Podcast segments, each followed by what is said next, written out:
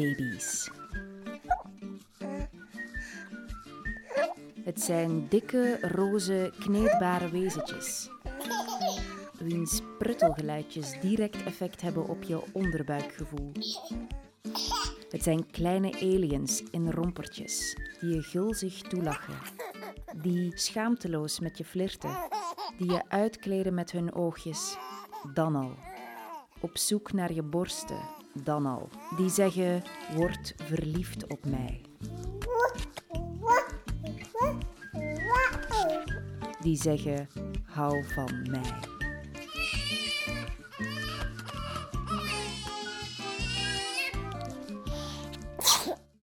En dat doe je, of je het nu wil of niet, met heel je lijf, alsof iemand iets in je drankje heeft gedaan.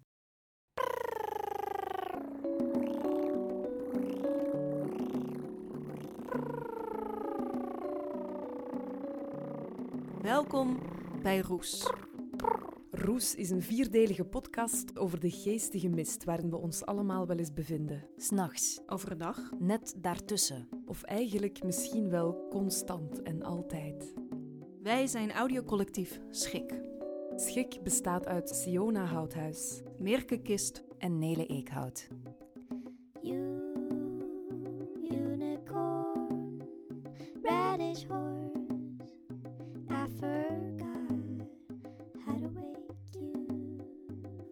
Deze aflevering gaat over een cocktail. Een cocktail die je nergens kan krijgen. Behalve van je eigen lichaam. Want waar we zelf over het aantal glazen bier kunnen beslissen, hebben we veel minder te zeggen over de chemische stoffen die door ons lijf razen. We zijn constant onder invloed van allerlei stofjes en hormonen. Ons brein is de grootste drugsdealer die er bestaat. Deze roes speelt zich eigenlijk alleen af in het lichaam van een vrouw. Maar hij gaat ons allemaal aan. Ons als in de hele mensheid. Aflevering 3. Radish horse. De bevallingsroes.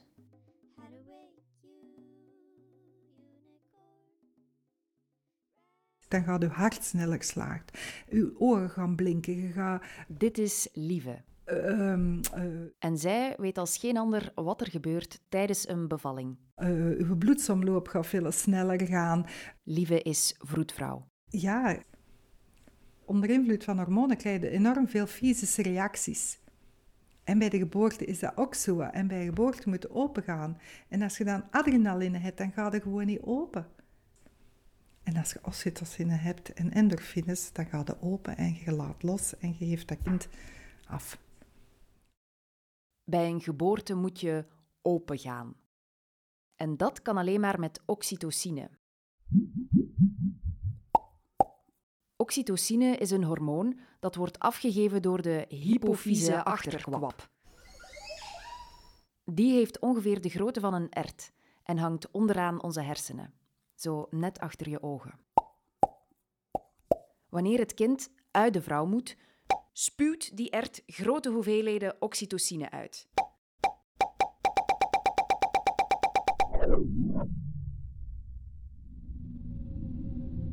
Die reist dan helemaal van achter je ogen naar de baarmoeder.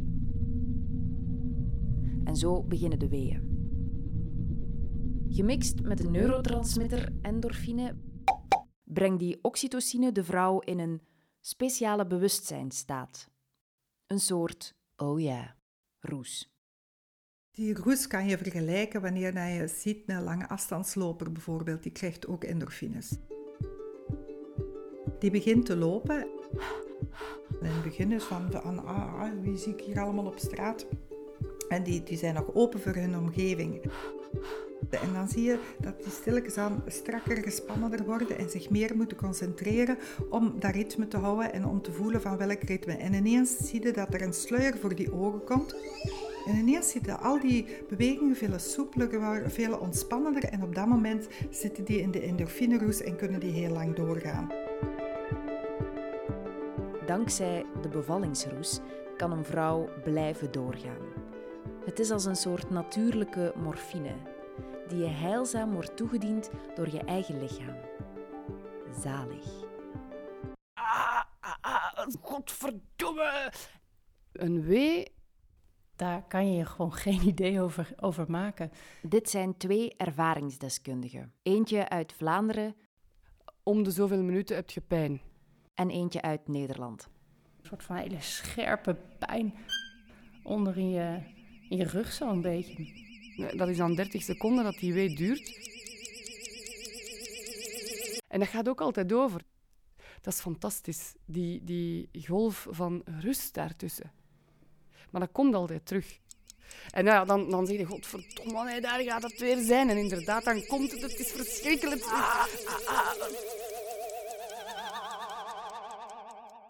Ik raakte echt in paniek van die pijn. Ja, wat moet ik nu doen? Want je hebt zulke pijnen gewoon nog nooit gehad. Gelijk een schaap dat gaat bevallen, hijgen. Ah, dat doet hier pijn, jongens. Je hebt dat nog nooit meegemaakt. Dan wil je gewoon echt dat iemand Godverdomme. tegen je zegt wat je moet doen. Gewoon, dit moet jij doen. Oké, mevrouw, de week komt er nu aan. Dan gaan we nu rustig ademen. 1, 2, 3 en duwen. Maar die deed dat op zo'n verschrikkelijke, verschrikkelijke, passieve manier. En, en jij hebt dan die pijn, dat paste totaal niet bij elkaar. Ik weet nog dat ik heel hard heb geroepen naar die gynaecoloog. Vind je dat nu echt leuk wat je doet, dat werk wat je doet? Dat doet dus zeer als dat koppeke daardoor moet. Oeh. Dat is dus echt, dat scheurt uw onderstel precies in twee. Dat staartbeen wordt opzij geduwd, die... die... Ah, ah, ah. Godverdomme, dat doet hier zeer. Mijn moeder is zot, acht kinderen gekregen. Hoe kan die dat, hoe kan die dat? Dan denk je, ik ga hier dood, hè. Ik sterf hier echt, hè. Oké, de bevallingsroes is dus geen roze wolk. Het was mooi geweest, maar dus echt niet. Vreselijk, vreselijk, vreselijk. Echt niet. Dit is de laatste keer, hè. Dat gaan ze mij hier geen twee keer lappen. Dat is het enige wat je denkt. Je denkt, ja, dit doe ik echt nooit meer. Wat is dit voor iets afschuwelijk? Ja. En dan toch. En dan toch, ja. vanaf een uur of, of twee, drie, vier erna vraagt dat en, en dan zegt je al direct, oh, misschien wel. Ja. Toch gaan veel vrouwen meer dan één keer door die hel. Wat de hormonenroes dus niet doet, is de bevalling pijnloos maken. Wel zorgt die ervoor dat we die hele ervaring een beetje vergeten en op een of andere manier als Niet niet traumatisch beleven. Die vrouw gaat, in een, gaat helemaal in haar eigen kokonnetje, in haar eigen wereldje, waardoor dat ze haar lichaam goed aanvoelt en kan omgaan met de dingen die erin veranderen. Een vrouw wordt door haar eigen lichaam zodanig gedrogeerd dat ze in staat is om open te gaan, open te scheuren. En dat mentaal en fysiek te overleven. Maar dat is niet het enige.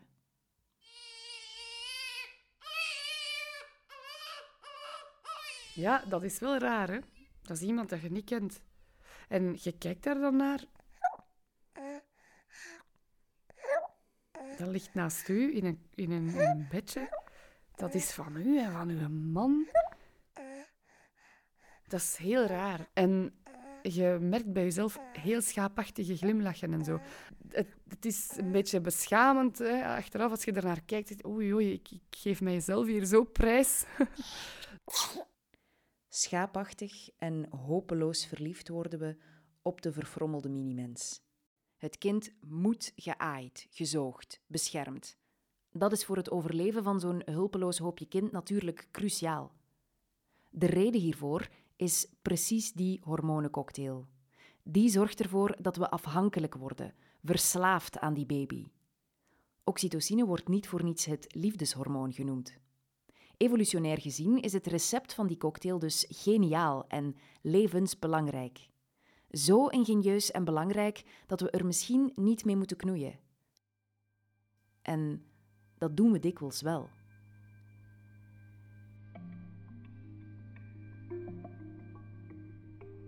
Er bevalt op deze moment nog ongeveer 6% van de vrouwen zonder, zonder enige interventie.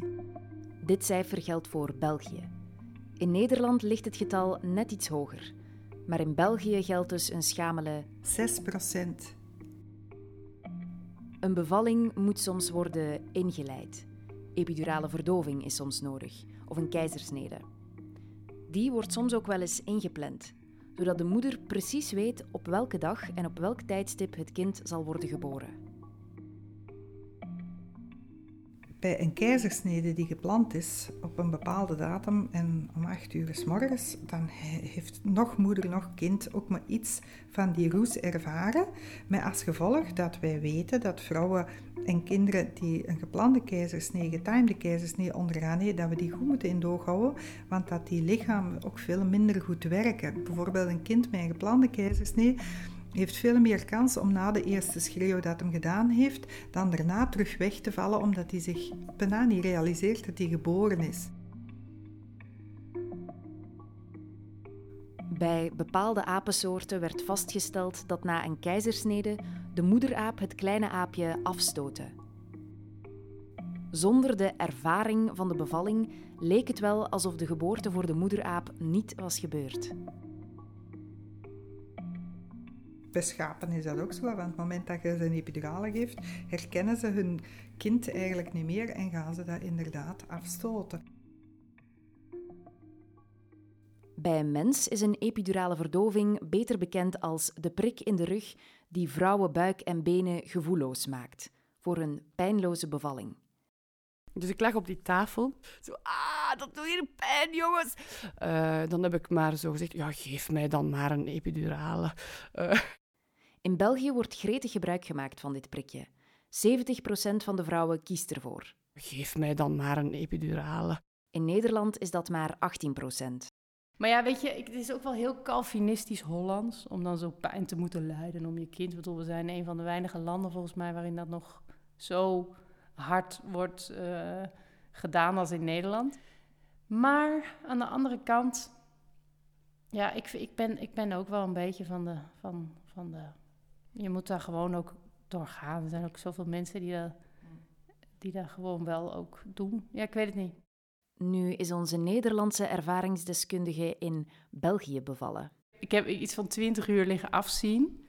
Dus als een prikje dan een optie is. Toen heb ik dus heel hard geroepen: waar is die man met die naald? toen, en toen heb ik dus wel een epidurale. Maar echt, net, eigenlijk is het, is het jammer. Jammer omdat een epidurale ervoor zorgt dat de endorfines veel minder goed werken en dat er een pak minder oxytocine vrijkomt. Het gevolg hiervan is dat de weeën afnemen. Om die op gang te houden krijgt de vrouw kunstmatige oxytocine toegediend. Maar deze vervanger doet toch net niet wat de real stuff doet. Dus dat, dat, gaat niet, um, hoe moet ik dat zeggen, dat gaat het gedrag van die vrouw niet beïnvloeden. Terwijl wanneer dat je eh, zelfstandig oxytocine aanmaakt, het lichaams eigen oxytocine gaat het, gedrag van die vrouw wel degelijk beïnvloeden. Gaat haar anders doen omgaan uh, naar haar kind, ook veel beschermender uh, doen omgaan met haar kindje. Het verschil tussen valse en echte lichaams-eigen oxytocine ligt op het gevoeligste punt. Wanneer een vrouw in een goede hormonenroes zit, gaat ze veel instinctiever zich hechten aan haar kind. En de verliefdheid die ze daarbij voelt, is veel dieper. Met als gevolg dat ze een veel ja, gemakkelijker binding gaat aangaan met je kind. Dus het is gewoon heel anders. Maar je moet het echt met eigen ogen zien hoe dat, dat zich manifesteert, vooraleer dat, dat je dat kunt beseffen wat dat het eigenlijk is. Lieve zag het als vroedvrouw honderden keren van dichtbij. Maar 35 jaar geleden lag ze zelf te bevallen. Uh, er was ook een huisarts bij en die heeft mij enorm geknipt. En, en de, die, die uh, heeft erna ook enorm lang aan het hechten geweest en, en zo. En dus die eerste uren na de bevalling is wel verstoord geweest. De bevallingsroes is heel precair. En oxytocine, het liefdeshormoon, is een heel schuw hormoon. Zo schuw dat het makkelijk op de vlucht slaat wanneer het zich bedreigd voelt. Naast ruggenprikken of keizersneden kunnen ook ingrepen als knippen en hechten in die eerste uren na de bevalling het doen schrikken. Tussen haar eerste bevalling, die zoals ze zelf zegt verstoord is geweest, en de tweede keer heeft Lieve een zeker verschil gevoeld. Ik heb dat inderdaad echt wel gevoeld. Wat dat niet maakt dat ik niet voor alle kinderen goed gezorgd heb. Maar ik heb toch altijd heel veel spijt gehad dat ik met die oudste, dat die diepe connectiegevoel, dat ik dat niet gehad heb. Want dat is zoiets totaal anders. En bij de tweede kleine heb ik direct een heel groot verschil gevoeld in de diepte waarin dat ik de connectie met het kind maakte. Zo Een van- grotere liefde of een... Moet je dat zo benoemen? Allee, dan denk ik van ja, als mijn oudste deze hoort, dan denkt hij van ah, houd je... Allee, ja, dat is allemaal zo wat beladen en, en dat maakt gewoon dat, dat het moeilijker was om die, dat type gevoel te hebben bij de oudste dan bij die twee anderen. Ik heb heel veel met onze Bart discussies gehad en moeilijk en, en vele... Ja, die relatie is altijd veel moeilijker geweest dan met die twee anderen. Ligt dat aan die bevalling? Het zou kunnen. Die borstvoeding is ook mislukt. Ligt dat daaraan? En ik miste de gevoelslink dat ik ging kijken naar wat dat kind nodig had. En niet naar de klok. Knuffelen. Ik wilde daar ook mee knuffelen. Omdat met, knuffelen en huidcontact kun je enorm veel herstellen. Ook van, maar dat was altijd precies dat ik door een houten stokje vast had. Die, die zette zich ook af. Dat, dat was geen gemakkelijk... Ja. Terwijl die twee anderen als je die vast had, dan wist je nog niet eens dat die tegen jou hingen. Hè? Snapt? Op zo'n niveau zit dat. En dus eh, dat, je kunt zeggen van, van dat kan zich herstellen na jaren, ja. En toch ervaar ik zelf dat het altijd anders gebleven is. Maar om, om zoiets te vertellen voor de micro, ja, pak dat die dat hoort. Dat is voor dat kind ook niet leuk, hè? want ook al is hij 35 jaar, het is wel mijn kind nog altijd. Hè? En welke moeder gaat dat vertellen dat ze voor één kind andere dingen voelt dan voor een ander kind? Dat doet pijn, hè? Ja.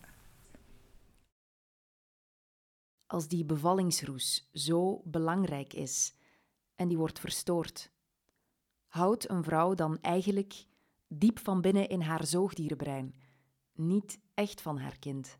Jawel, om dat houden van is een cocktail van wat dat je voelt en wat dat je denkt. Je kunt ook, eh, als je zelf vertelt dat het houden van dat kind op dat moment is wat dat je moet doen, dan gaat dat ook wel groeien. Nu, het is daarom, het verschil met, met mensen is, is dat wij dat op rationeel niveau kunnen oppakken. Mensen zijn geen schapen of apen. We zijn wel zoogdieren, maar zoogdieren met ratio. Een schaap heeft niet die ratio om dat te gaan doen en zeggen van oké, ik heb dat niet gevoeld dat dat geboren is, maar het is toch mijn kind en ik zal er wel voor gaan zorgen. Eh, een schaap heeft dat niet, een mens heeft dat wel, maar dan zijn je op rationeel niveau bezig en die connectie is moeilijker, kan op den duur ook wel een heel goede connectie worden, daar niet van, maar die eerste tijd is veel moeilijker en, en veel kunstmatiger eigenlijk.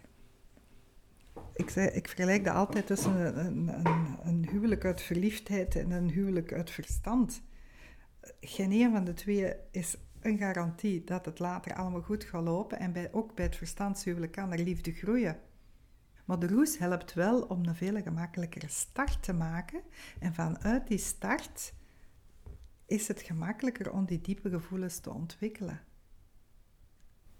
Ja, maar het is nooit geen garantie. Mensen vragen altijd garantie en die zijn er gewoon in het leven niet.